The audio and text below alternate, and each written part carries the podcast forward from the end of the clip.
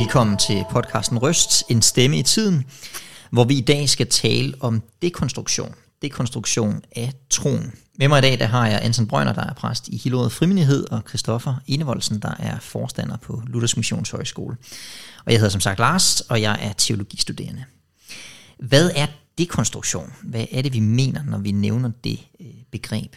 Det er et ord, der florerer en del i øh, de kirkelige miljøer, særligt i USA. Det er en strømning, man taler om inden for øh, kirken, særligt derovre, men, men som vi også mærker herhjemme. Det er en grundlæggende tanke om, at troen kan øh, omformes, ommøbleres. Hvis vi forestiller os, at øh, der er en lille øh, bygning af legoklodser, så er dekonstruktion det at skille legoklodserne ad og samle dem på en ny måde, så det bliver en ny bygning. Måske er den gamle bygning, den gamle trosverden og forestilling, man bevæger sig i, den er for snæver. Den er blevet et klaustrofobisk rum, man ikke kan ånde i. Så kan dekonstruktion være det at skille det ad, samle det på ny og se, at det her er noget, jeg kan leve og ånde i. Det er der i hvert fald mange, der taler om, at det er et fænomen i vores tid, at man forsøger at ommøblere troen, så den bliver mere tidsvarende eller til at holde ud og være i. Kan I genkende den, øh, det eksempel, det billede, at det er noget, som mange har et øh, behov for, og øh, ja, tænke deres tro forfra, og, og forsøge at samle brikkerne på en ny måde, i forhold til det, de vokser op med? Ja, øh, det kan jeg i høj grad øh, genkende. Øh, øh, jeg kommer til at tænke på en, som øh, nævnte for mig, at øh, sin tvivl om det at være kristen, at det bare var en undskyldning for at holde fast i ja, nogle bestemte holdninger, som virker dybt øh, reaktionære og konservative i, i det samfund, vi lever i. Uh, det kunne være nogle, øh, ja, det var ikke fordi han var mere konkret om, hvad det lige handlede om, men man kunne måske forestille sig, at det var nogle normer om, om køn eller seksualitet, eller ja, jeg ved ikke, øh, hvad, hvad det kunne være. øh, men, men der, der tænker jeg alligevel, at det, den oplevelse tror jeg godt, jeg kan genkende for nogen, som øh, tænker, øh, ja, er, er, er det måske bare på tide at rykke videre i historien fra, øh, fra kristentroen? Er, er det som om, at kristentroen ikke rigtig har, har udviklet sig til den tid, vi, vi lever i?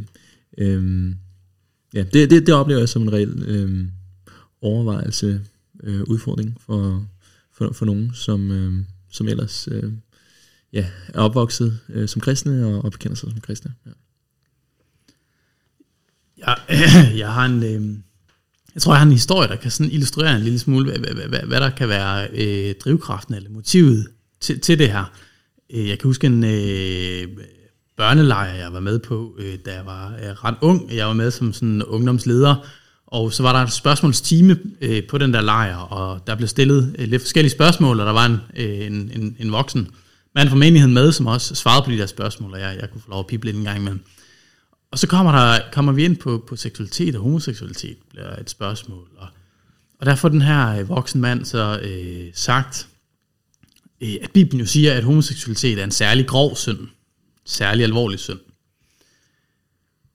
Og, og jeg, jeg kan huske, jeg, jeg, var, jeg, jeg var for ung til, jeg tænkte, det, det, øh, det, hvad, er det lige, hvad er det lige for et bibelsted, han tænker på, eller hvad, hvad, hvad, er lige, øh, hvad er det, han mener med det, han siger, og ja, den dag i dag er jeg træt af, at jeg ikke greb ordet, og, og, og, og, men, men det havde jeg ikke lige ryggraden til dengang.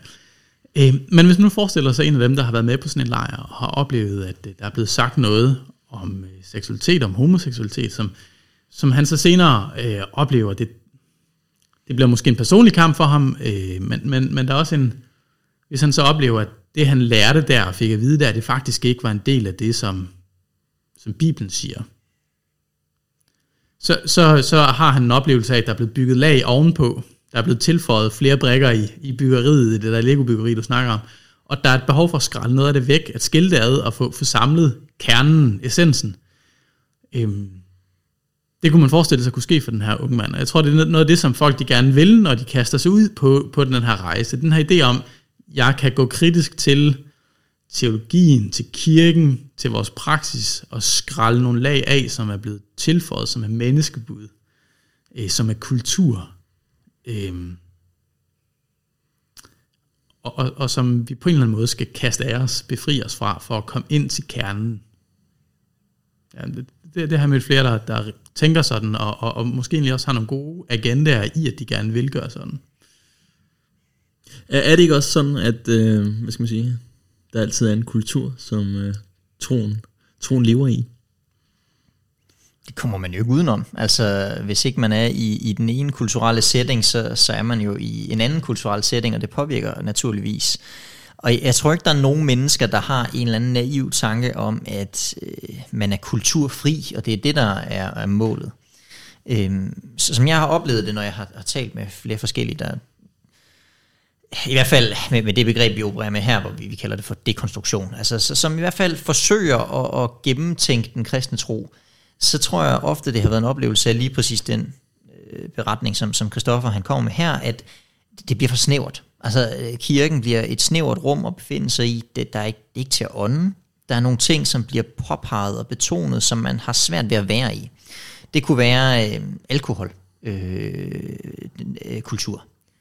De synes, det er mærkeligt, hvorfor at man øh, har så snævre grænser for alkohol. Hvorfor kan vi ikke tænke lidt anderledes om det? Det kunne være seksualetik, som og afhængig af, hvad den mand, øh, der svarede på spørgsmålet i sin tid, egentlig mente, om, om det var en uheldig formulering, eller, eller om han virkelig mente det. Øh, noget, man oplever for, for snævert. Og et eller andet sted er det jo en, en positiv agenda, at man ønsker ikke at smide den kristne tro ud. Man ønsker tværtimod at øh, forny den ved at, at flytte rundt på brækkerne, for at, at bygge det større, skabe mere rum, skabe mere plads, øh, end det der er lige nu. Jeg tænker meget, det er det, der er agendaen. Jeg tænker ikke, det er en, en naiv tanke, om vi skralder alt det kulturelle væk, men på en eller anden måde omplanter den. Mm. Vi, vi ønsker at bygge om mm. i en ny kultur. Mm. Jeg, jeg øh, synes nogle gange, øh, at øh, jeg, jeg stødt på det, øh, sådan når jeg har, har læst om, hvad der foregår i en amerikansk kontekst, hvor jeg har indtryk af, at sekulariseringen den er, den er enormt stærk i de her år. Altså, øh, USA har været lidt øh, bagefter Europa, og hvor kirkerne er, er, er blevet tæmt i store dele af Europa, så, øh, så er det gået lidt langsommere derovre i USA. Og, og nu, nu oplever de det virkelig. Øhm, og øh, der, der er indtryk af, at, øh, at der for nogen så er, øh, er bibeltro kristendom blevet øh, forbundet med et bestemt øh, politisk synspunkt. Øh, altså det vil være et republikansk synspunkt. Altså først bliver du frelst, og så får du våbentilladelse. Og, øh, og så kører du en pickup truck, og så, lige så stemmer du på Trump. Ja, ja lige, lige præcis. Ja. Hvor man tænker, okay, men der er øh, en bestemt kultur, og, og også noget øh, menneskeskab, hvis vi skulle bruge det ord. Det, det er så intimt flettet sammen med, øh, med en bestemt øh, måde at, at tro på, at, øh, at det for nogen måske har været svært, at, eller er svært at skænde. Øh, Tænker jeg, at der er nogen... Øh, hvad, hvad, hvad kunne det være i Danmark, øh, hvis man skulle nævne noget lignende? Er der nogle områder, hvor vi... Øh... Jeg, jeg synes faktisk, du stiller et lidt interessant spørgsmål der, fordi noget af det, jeg møder ret ofte, det er, at det netop ikke er i en dansk kontekst med danske erfaringer, men, men igen og igen øh, historier fra over there, som, som bliver trukket frem, øh, som, som eksempler på en kirke, der har brug for mm. at blive dekonstrueret, eller en tro, der har brug for at blive dekonstrueret. Mm. Et, at der er sådan en underlig, øh, vi finder argumenterne i en kultur uden for vores egen, for at skulle lave om i troen i vores egen kultur. Mm. Øh, det, så så jeg, jeg tror virkelig, der er øh, argumenter eller dårlige historier her også, men, men, men, men der, der er en tendens til, at de ofte bliver fundet øh, uden for vores kontekst. Og måske en del af det er, at man også i en eller anden grad ofte kan være lidt blind på ens egen kultur, og have lidt svært ved at træde ud af øh, vores ramme. Øh, man, man kan snakke med ganske mange, der har været udsendt som missionær, som, som netop oplever at få et nyt syn på deres øh, hjemland og hjemkirke, i det at have været væk fra den, og i det at have været i kontakt med en anden kirke, fordi man så får et syn, når man kommer tilbage, som, øh, som, hvor man ikke er helt så sovset ind i det, øh, som man ellers har været. Øh, skulle jeg se på, på en dansk kontekst, så kunne jeg tænke mm, småborgerlighed. Altså den danske kirke er i, i nogen grad sådan den gode mellem, altså middelklasse. Øh, øh, vi, vi, øh, at være kristen er at fylde sin stationcar og køre på vej til Legoland? Ja, ja måske endnu mere øh, rødvin og øh, øh, en god fredagsmiddag. Altså, og, og, og intet ondt ord om det. Men, men, men at der er, en, der, der er der en kulturel fagning øh, i, i en eller anden, i et samfundslag som kirken, i, høj grad ligger i i Danmark. Og du tænker, det er noget, det man kan have brug for at, øh, at gøre op med? Altså på en eller anden måde øh, nytænke. Altså noget af det, jeg oplever i hvert fald, det er særligt blandt yngre kristne, at, at man har en oplevelse af, at forældregenerationen måske er... Øh, de er blevet blinde for nogle ting. Altså, de har ikke noget problem med at sidde og drikke øh, to glas rødvin lørdag aften og øh, se Barnaby, eller hvad man ser lørdag aften, og, øh, og st- køre deres store bil og øh, renovere hele huset, og, øh, og så er der nogle bestemte ting, de vægtlægger, af oplevelsen i hvert fald. Det er seksualetik, det er alkohol, på trods af, at de sidder og drikker rødvin. Og så kan man måske have behov for, jamen, er der ikke noget, er, er troen ikke mere end det her? Er, er vi ikke blevet blinde for, for den radikalitet, der er i evangeliet, eller den radikalitet, som, som er i det nye testamente mm. i forhold til uh, min næste. Og, og så bliver det nogle af de agendaer, som, som man oplevede har været underprioriteret, man pludselig tager frem. Klima, flygtninge, et eller andet, hvor man siger, hvorfor har kirke ikke noget at sige om det her? Vi sidder bare der, og så taler vi om homoseksualitet for 10.000 gange. Der er jo noget andet, der er vigtigere. Øh, det er i hvert fald min oplevelse, når jeg, når jeg taler med nogle unge kristne. Mm. En træthed af, af forældregenerationen. Og, og det tror jeg, vi skal tage alvorligt, og det, jeg har jo selv, jeg har jo selv været en del af en, et, øh, en ungdomsperiode, hvor, hvor, man, hvor man spiller spørgsmålstegn ved, ved ens forældre, og det man har fået fra dem, og det man har mødt i kirken, fordi det er jo ikke nødvendigvis givet. Måske er det ikke det, jeg har hørt, som er det rigtige. Og samtidig så tror vi jo som kristne på, at der er noget, der er sandt. Der er noget, der er blevet givet til os. Hvordan finder man vej i den her balance? I den her nødvendige, måske nødvendige dekonstruktion, øh, personlig stillingtagen til troen, og så øh, skal vi også lande igen. I en eller anden omfang skal vi lande på fødderne. Øh, jeg, jeg, jeg tænker, du betoner, eller du, du sætter ord på noget ret vigtigt, det der med, at man, man faktisk tør gå, gå troen og kirken efter i sømne. Øh, det, er altså, Jesus er vejen, sandheden og livet. Vi er, ikke, vi er ikke bange for lyset. Vi er ikke bange for at, øh, at trække dinerne fra og kigge ind, øh, hvad, hvad er det, vi bærer rundt på. Øh, og vi er ikke bange for, altså, øh, vi, vi har selv en rig tradition med reformationen, altså øh, Øh, hvor vi kalder kirken til, øh, til, til, hvis den er kommet på teologisk øh, eller etisk afveje, at, at, at finde tilbage ind på sporet. Så, det, så det ligger i, i vores arv, men jeg tror noget, der er væsentligt, det er, hvad er argumenterne, vi bruger? Hvad er det for en lup, eller hvad er det for noget lys, vi lyser med? Er det, er det, er det Guds tale, Guds ord, Bibelen, vi bruger? Er det den, vi lyser med og kigger øh, med og vurderer os på? Øh, eller hvad, hvad er det for nogle øh, parametre eller filtre, vi kaster ind over? Og, og der, der er min bekymring nok for noget af den her øh, dekonstruktionsbølge, øh, at, at det ret ofte er øh, sociologiske argumenter. Mm. Øh, vi øh, gør op med kirkens syn på køn, tjenestdeling eller andre emner.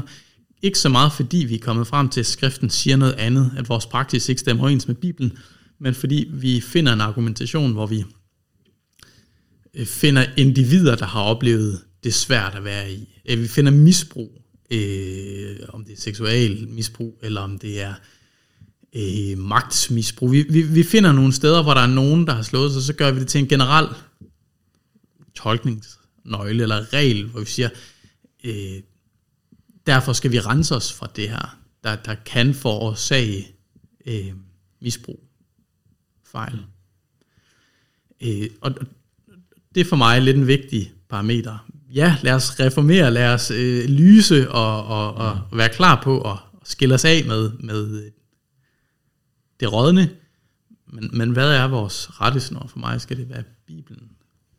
Det, det, kun, det, det, det er den eneste parameter, der virkelig holder. Der er masser af misbrug, vi kan begræde, vi kan påtale, men det bliver bare ikke et mm. holdbart argument i sig selv.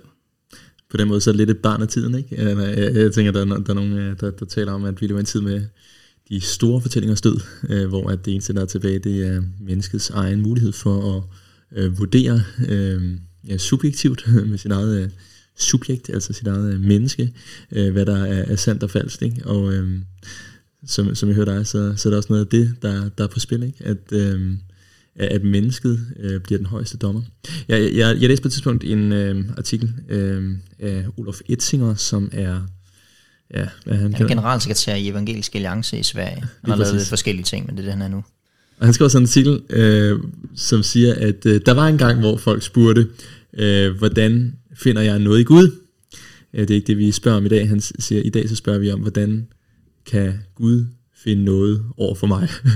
altså der, der er sket en rolleombytning, og jeg, det er mig, mennesket, som sidder på, på dommersædet og øh, skal vurdere, om Gud nu er i stand til at leve op til mine øh, moralske eller standarder. Ikke? Øh, jeg synes, det, det er meget øh, godt set, synes jeg, og øh, en interessant øh, mekanisme. Og det er jo på en eller anden måde, det er jo det, der kendetegner hele vores samfund i hvert fald. Men, men hvis vi spørger mange kristne, så vil vi jo sige, at det er lige præcis os, der ikke tænker sådan. Altså vi, vi, øh, vi er med på, at det ikke er os, der skal vurdere Gud. Og alligevel så, så, øh, så, så kan man jo stadig godt være udfordret af de her problemstillinger. Hvis jeg skulle være, være lidt grov, så, så vil jeg jo sige, øh, det, det mest liberale teologi, øh, som, som jeg kan finde, det er lige præcis et eksempel på det, Etzinger siger. Altså der har man vendt det på hovedet, og Gud han er blevet øh, sat ud på siden, vi, vi vurderer ham. Øh, vi, man kunne sagtens finde nogle eksempler både herhjemme og internationalt, hvor man, hvor man stort set øh, river Bibelen i stykker, og, og så siger vi, det, det kan vi ikke bruge til noget længere. Vi er nødt til at, at gentænke det helt. Men som jeg oplever det, så er det jo ikke det, der er pointen i dekonstruktionsbølgen. Pointen er, at vi ønsker at gentolke øh, bibelteksterne for at finde ud af, hvad det egentlig er, de sagde, fordi vi sikkert har overset en masse. Det, og der, der tror jeg noget af oplevelsen hos mange, det er, at de oplever en disharmoni mellem det, som deres fornuft ved. Det kunne være en, en overbevisning om, at øh, evolutionsteorien er sand, at øh, verden har udviklet sig til det, vi altid har hørt. Hvordan læser vi så de her bibeltekster? når vi ikke længere synes, at det, vi fik at vide om Adam og Eva i børneklubben, det længere giver nogen mening. Eller det er følelsesmæssigt, at der er en, en stærk inderlighed øh, i lovsang, eller der er en bestemt måde at bede på, eller nogle andagsvaner. Og så spørger man sig selv, er det her virkelig sundt? Er det sundt at, at sidde og skulle læse i sin bibel hver eneste dag, eller bede på den her måde, eller synge på den her måde, øh, når det er svært at være i? Eller etisk? Nu nævnte Christoffer indledningsvis den her fortælling om øh, øh, børnelejren, ungdomslejren, eller hvad det var. Altså, hvad hvis livet ikke længere hænger sammen med det, som vi traditionelt har sagt om kristen seksualetik? Og så stiller man måske spørgsmålstegn ved, hvordan vi ellers har tolket bibelteksterne. Og, og det er vel indefra set ikke at sætte Gud på, øh, på andenpladsen og mig selv øverst, men det er et forsøg på at fortolke bibelteksterne på ny. Øh, jeg, jeg, jeg tænker øh, to ting igen. Ikke også? Den ene det er, hvordan er det så, vi tolker teksterne? Altså, hvad, hvad er... Øh, hvad er de redskaber, vi bruger? Og, og, og jeg tænker, det er godt igen og igen at tage teksterne op og, og bearbejde dem og, og altså, hvad skal man sige, arbejde med dem og udlægge dem. Øh, jeg, jeg ser nok en tendens til, at vi i højere og højere grad bruger kilder uden for Bibelen til at forstå Bibelen. Altså, om det er kilder fra i dag, eller fra samtiden dengang. Og, og man, altså, der er et uendeligt øh, antal af holdninger, meninger, undersøgelser, statistikker og antikke kilder, så man kan bøje Bibelen i hvilken som helst retning, hvis vi bruger kilder uden for Bibelen til at være en tolkningsnøgle for, hvordan vi skal læse Bibelen. Øh, altså, og, og det, det, det, kan han, det, det, det er fint, vi bruger øh, kilder uden for Bibelen til at forstå den samtidig i et eller andet omfang. Men Bibelen skal være dens egen udlægger. Vi, vi skal forstå Bibelen, som den tolker sig selv, som den læser sig selv. Det, det, det er et princip, der er vigtigt at holde fast i, tror jeg, i den her øh, tendens. En anden ting, det er, øh, stiller du dig et andet sted, end Guds kirke har gjort mm. i 2000 år? Altså, øh, jeg, jeg er simpelthen ikke naiv nok til at tro, at jeg er den bedste bibeludlægger, øh, der har eksisteret. Og hvis jeg kommer frem til en konklusion om, hvad Bibelen siger, som er unik, som er anderledes end det, kirken i sin historie er kommet frem til indtil nu, så øh, skal jeg virkelig være sikker i min sag. Altså ellers er jeg, jeg, jeg er bange for, at det i 99,9 af tilfældene vil være naiv øh, selvoppustet tro på, at jeg kan udlægge teksten bedre end Guds samlede kirke indtil i dag. Og, der, og der, der tænker jeg, at den må være en ret god vejledning til, hvordan Bibelen skal forstås. Mm. Kirken er ikke ufejlbarlig, nej, det er Guds ord, der er det. Men den er godt nok øh, åndsinspireret. Altså den, er, den, er, den, er, den har været øh, præget af Guds ånd i 2000 år, og jeg skal passe på, at jeg ikke blæser mig op over den.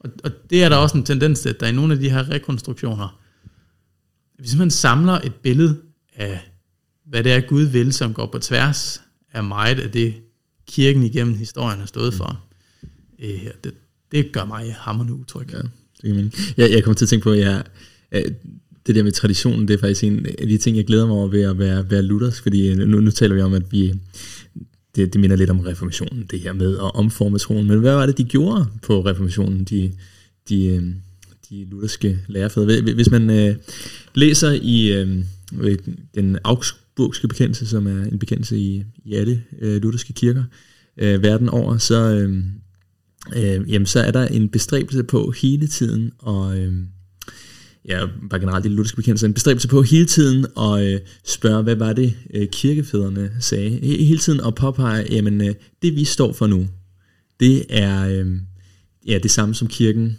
øh, altid har stået for. Øh, man kan sådan set se det også bare af opbygningen, at den er, den er opbygget over øh, de, øh, ja, den trosbekendelse, den apostolske trosbekendelse, som vi, vi siger hver øh, søndag i kirken, øh, for ligesom at sige, jamen øh, det vi prøver at gøre, det er ikke at sige noget nyt. Vi prøver at sige, hvad det er, kirken altid har troet på. Det, og og der, der, der, der tænker jeg, det, det er jo en god, god tilgang i hvert fald ja, til, til tradition. Der er jo et meget vigtigt argument i det der i hvert fald. Altså der, der er en kontinuitet i kirkens historie, mm. og hvis jeg bliver for kritisk, altså hvis jeg afviser mine forældres tro, mm.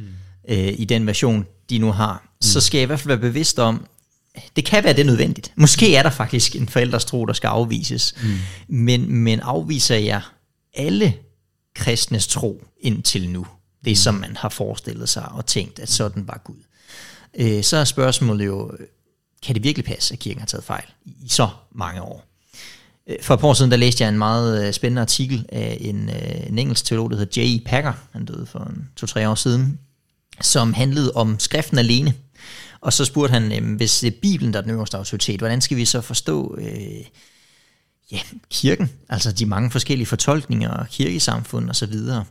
Og der påpegede han noget meget interessant. Han siger, at de steder i, øh, igennem historien, hvor man har lagt vægt på, at Bibelen er den øverste autoritet, den der skal bestemme, så har der været uenigheder. Selvfølgelig har der det, og det, det er ikke sådan, at man bare bliver enig per automatik om, om teologien, bare fordi man er enig om princippet om, at Bibelen mm. skal stå øverst han pegede sig ud, og så sagde at det handler særligt om sakramentforståelse, dåb og nadver. Det handler meget om forholdet til samfundsmyndighederne. Det handler noget om endetiden. Og så øh, pegede han nogle, nogle andre ting og siger, det, det er særligt her, hvor der har været uenigheder. Men den grundlæggende store fortælling, hvem er Gud? Jesus han er Guds søn. Han døde på et kors at vi er syndige mennesker, der har brug for en frelser, at han vil komme igen for at dømme levende og døde. Vi skal stå op for de døde til en ny jord, hvor der skal være en evig frelser, en evig fortabelse osv. Den der store fortælling, mm. der siger han, den har der ikke været uenighed om helt ind til oplysningstiden, hvor man begynder at sætte spørgsmålstegn ved selve Bibelen. Det er det, der er problemet. Bibelen selv. Men så længe Bibelen bliver anset for at være den ufejlbarlige autoritet, så kommer man ofte frem til den her grundlæggende fortælling, selv hvis man er uenig om nogle andre ting. Og det synes jeg for, for min del har været meget klargørende. Kommer jeg i strid med den grundlæggende fortælling, stiller jeg mig et andet sted ind i den her kontinuitet gennem kirkens historie, så er der en ret stor sandsynlighed for, at jeg ikke læser bibelteksten, men jeg måske lige præcis bruger nogle andre parametre, øh, nogle sociologiske eller, eller hvad det måtte være. Hmm. Jeg kommer til at tænke på et andet argument, jeg øh, nogle gange har, har hørt, øh, når der bliver dekonstrueret, og den, jeg var måske lidt inde på det øh, til at starte med, det her med, at øh, man kan have en forestilling om, at øh, kirken ligesom ikke rigtig er fulgt med i, øh, i med tiden.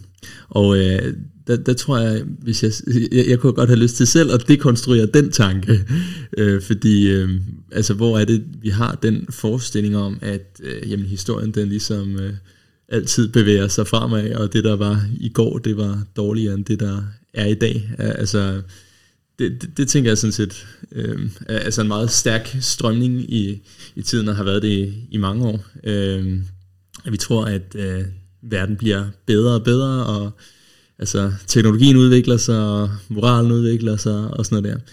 Jeg, jeg, jeg tror simpelthen bare ikke, at det er en, øh, ja, en, en sand tanke. Altså, jeg er med på, at dagen i går var ikke nødvendigvis bedre end i dag. Øh, vi kan både finde, finde dårlige ting ved fortiden, og vi kan finde øh, øh, gode ting ved, ved nutiden og fremtiden, men, øh, men vi kan altså også finde det modsatte. Øh, jeg, jeg, jeg tror sådan noget som teknologi øh, for eksempel er noget, som både viser menneskets øh, dårlige sider og, og gode sider. Tvækket svært. Øh, endnu mere, ja, ja. ja netop. Altså, øh, jamen, øh, hvad skal man sige, øh, teknologi, det er både noget som, altså sociale medier for eksempel, det er noget, der kan forbinde os med mennesker, som vi aldrig har mødt. Det er, folk har brugt det til at finde organdonorer på fremmede kontinenter, ikke? Altså noget, som er virkelig godt.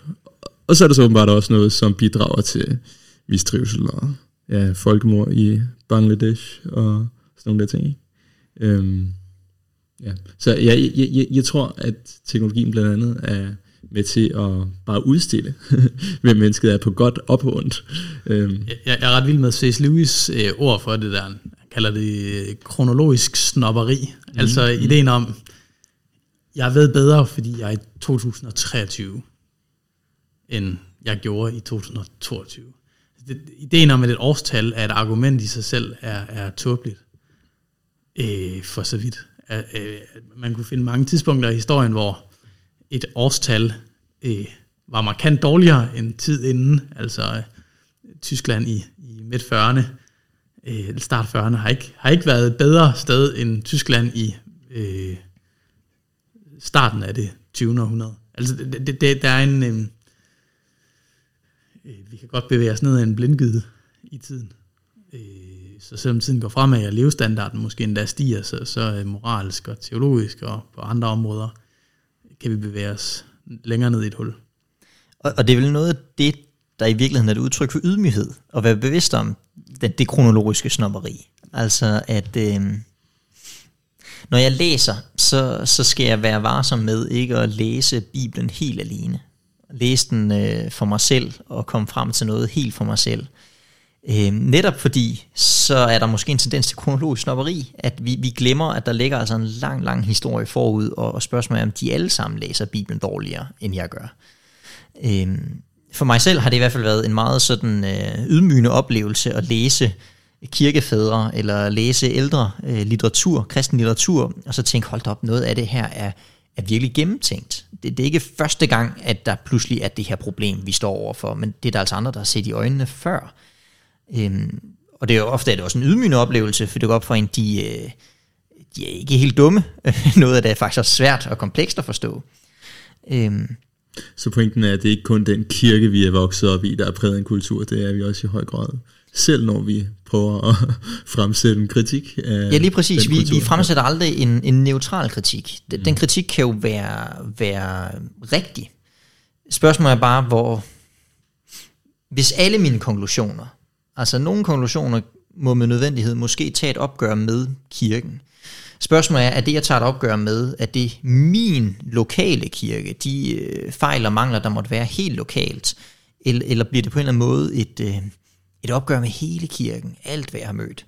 Øh, for at tage et eksempel. Jeg, jeg læste en, en overskrift for et par år tilbage fra øh, en amerikansk kvinde, som, øh, som kritiserede øh, den måde, øh, kristen seksualetik var blevet formidlet på i hendes sammenhæng. Hun fastholdt stadigvæk øh, et, det, jeg vil kalde en klassisk kristen seksualetik, men hendes overskrifter, det var sådan 10 overskrifter, hun skrev, øh, 10 ting kirken øh, løg om. Øh, for eksempel, at sex uden for ægteskab altid er dårligt eller, øh, og så kom hun med en række eksempler. Og for mig at se, så har hun måske været i en sammenhæng, hvor man faktisk gjorde lige præcis det fra Christoffers eksempel. Man, man gik lige et skridt længere, end mm. bibeltekster måske gør, men man, man trak den måske for langt. Det blev dårligt. Men når jeg læser en overskrift, så tænker jeg, det kan du ikke bare sige, at kirken har lært dig, eller mm. kirken har lovet om.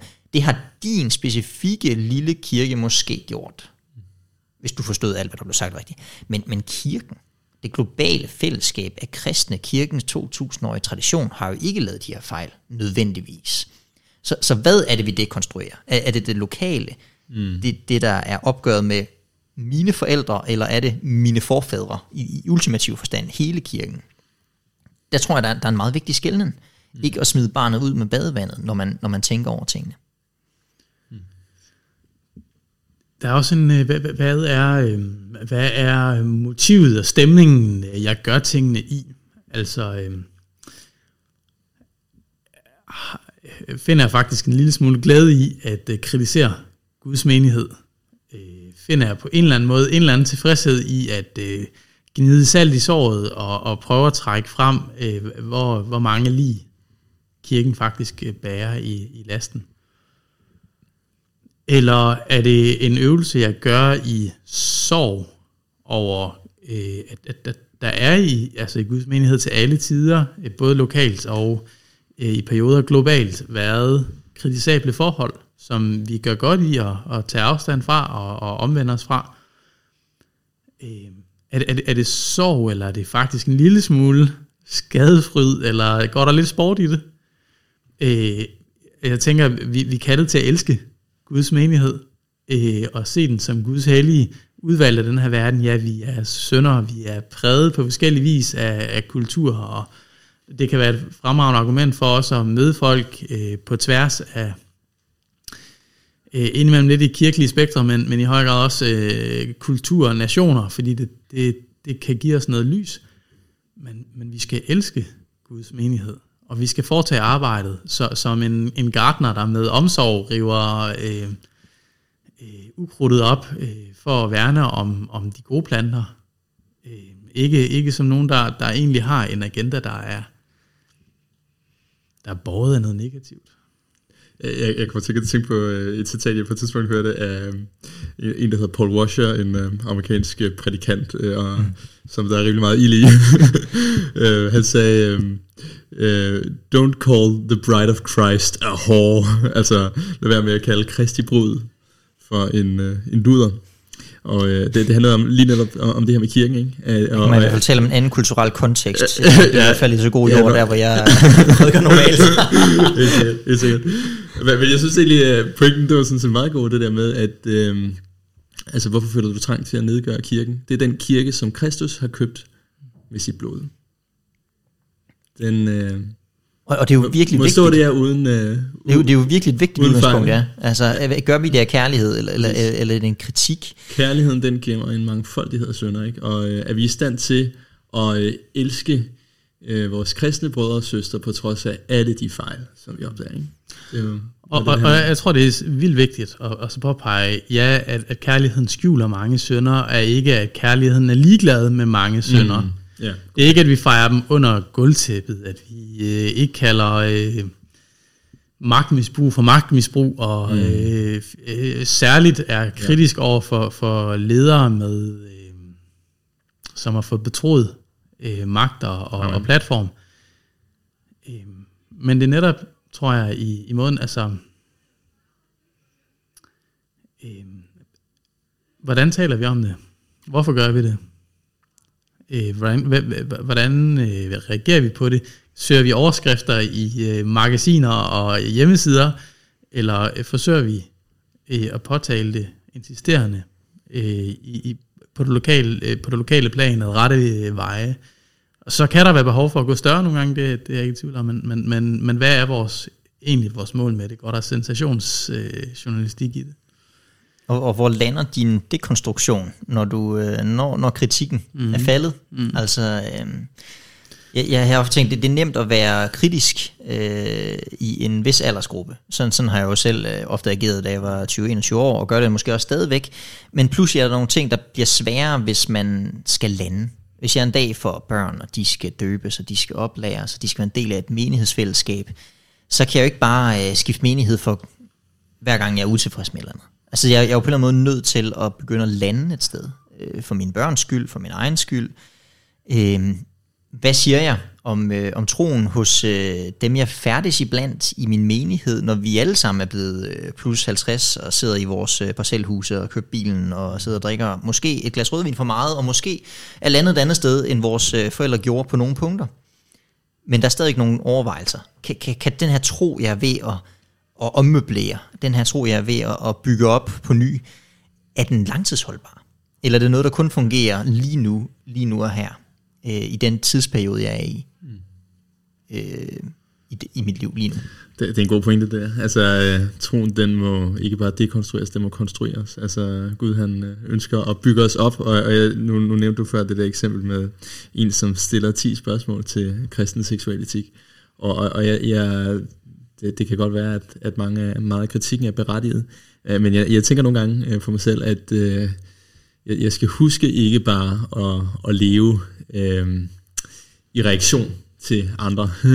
jeg, jeg, jeg ønsker, at, at, hvad skal man sige, at Bibelen den øh, skal tale til mig og, og bygge mig selv op, øh, og, og derfor så vil jeg også øh, altså arbejde på øh, med sådan et spørgsmål, ikke bare kritisere andre, men også sådan prøve at bygge op, jamen hvad er det så, Bibelen positivt siger, hvad er det den positive vision er mm. bag det at, at leve øh, afholdende øh, seksuelt uden for den ene man må ja, der er en positiv tilegnelse af det bibelske budskab. Præcis, der er ikke bare en reaktion mod alle de forkerte versioner af det, jeg måtte møde, ja. men, men hvad, hvad er det positive bibelske budskab i virkeligheden? Mm. Øh, griber jeg om det? Øh, dykker jeg ned i det? Øh, lærer det tale til mig? Ja, Helt sikkert, ja.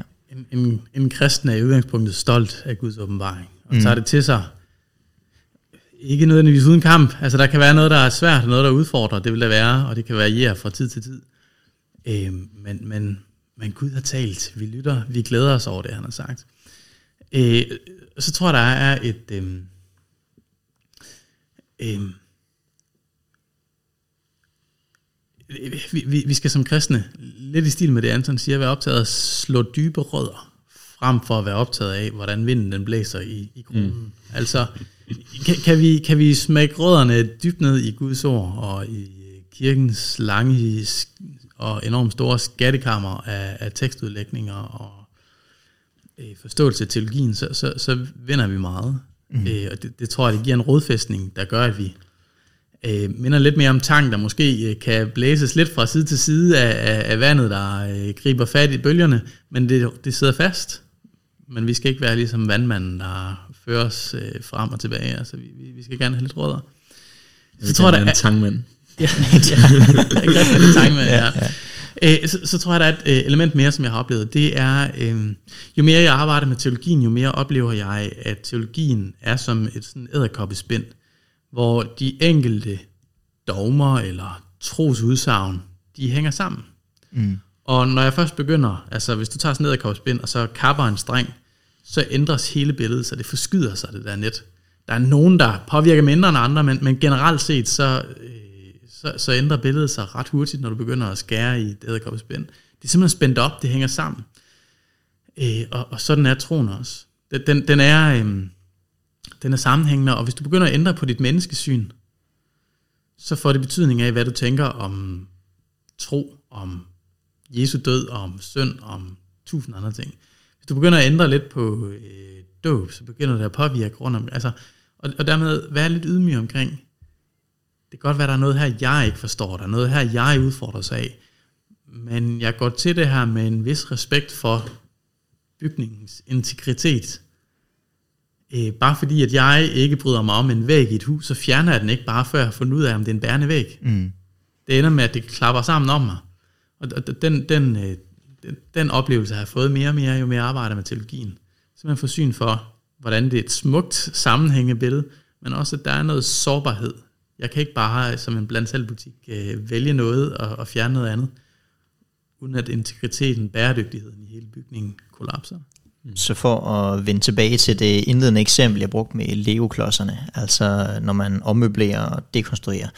Før jeg begynder at flytte rundt på alle klodserne, fordi jeg oplever det som et klaustrofobisk sted, så det måske lige overveje, hvilke klodser taler vi om, hvorfor er det, jeg oplever det klaustrofobisk, inden mm. jeg smadrer øh, det hele og begynder mm. at bygge om øh, er det mig, der sidder forkert i rummet, øh, så at sige. Ja, så kunne jeg også godt have lyst til at, at tilføje, jeg hørte på et tidspunkt en sige, øh, at hvis øh, din Gud aldrig øh, modsiger dine egne tanker og følelser, så er der en risiko for, at det ikke er din Gud, mm. men bare en, ja, en afgud, du har skabt i dit eget billede. Uh, jeg, jeg, jeg tror, man må sige, at hvis det er sandt, at der er en Gud, der har åbenbart sig, at jeg er et syndigt menneske, jamen så... Øh, øh, giver det jo mening, at øh, jeg indimellem ikke altid øh, former mine tanker og følelser, sådan, så de øh, stemmer overens med, med Gud.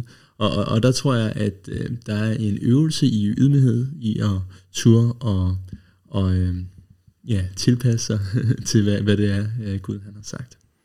Det er jo en utrolig vigtig teologisk øh, pointe, øh, de sidste her, der, der, bliver, der du sætter over på. Jeg vil gerne afslutte med en, en lille kort fortælling, øh, inden vi runder af her. Jeg har læst for et par år siden en bog af D.A. Carson, som har været øh, professor i Nytestamentet i en hel del år. Den hedder Med korset i fokus. Har I læst den? Ja. Ja, en fremragende bog. Den, den kan anbefales varmt. Hvor han blandt andet taler om det at blive verdenskristen. Han fortæller om, at han i en periode boede lidt i Frankrig, og han boede i England for at tage en, en doktorgrad i teologi, og så vendte han tilbage til Canada sammen med sin kone. Og de kirkeshoppede helt vildt, og uanset hvor de var, så havde han en oplevelse af, at den her kirke, den er bare ikke god nok, og den her kirke er bare ikke god nok. Og, og, og til sidst så måtte han øh, efter et halvt år eller helt år kigge sig selv i spejlet, og så sige, nu tager du dig sammen, Carson. Altså, havde du været i England, havde du været i Mozambique eller i Indien, så havde du accepteret de her ting, du ikke bryder dig om. Men hvis det er en god kirke, hvis det er en kirke, som forkynder Kristus, selvfølgelig vil der være fejl og mangler. Men her, her er du altså. Og så siger han, det, det, det er et kald, vi alle sammen har til at blive verdenskristne. Altså en, en, øh, det er en sociologisk dimension i det. At vi har et kald til at øh, netop elske Kristi brud. Elske Guds menighed, sådan som den ser ud, på trods af dens fejl og mangler. For vi kan ikke, vi kan ikke bare forlade den. Og det at være verdenskristen, det er også at se kirkens rødder, se tilbage i tiden, plante dem dybt, øh, sætte Bibelen øverst, men så også sige, at der er en masse lokale ting, som selvfølgelig kunne være bedre. Men jeg er en verdenskristen. Vi, vi, øh, vi er en del af et globalt kirkeligt fællesskab, og derfor så finder vi os også til rette med de ting, der måske kan gnide lidt der lokalt. For det vil det altid være. Det var alt for den her gang. Tak for snakken. Tak fordi du lyttede med til podcasten Røst. Podcasten er støttet af Luthers Missions Højskole og Norea Mediemission. Vi vender tilbage med nye.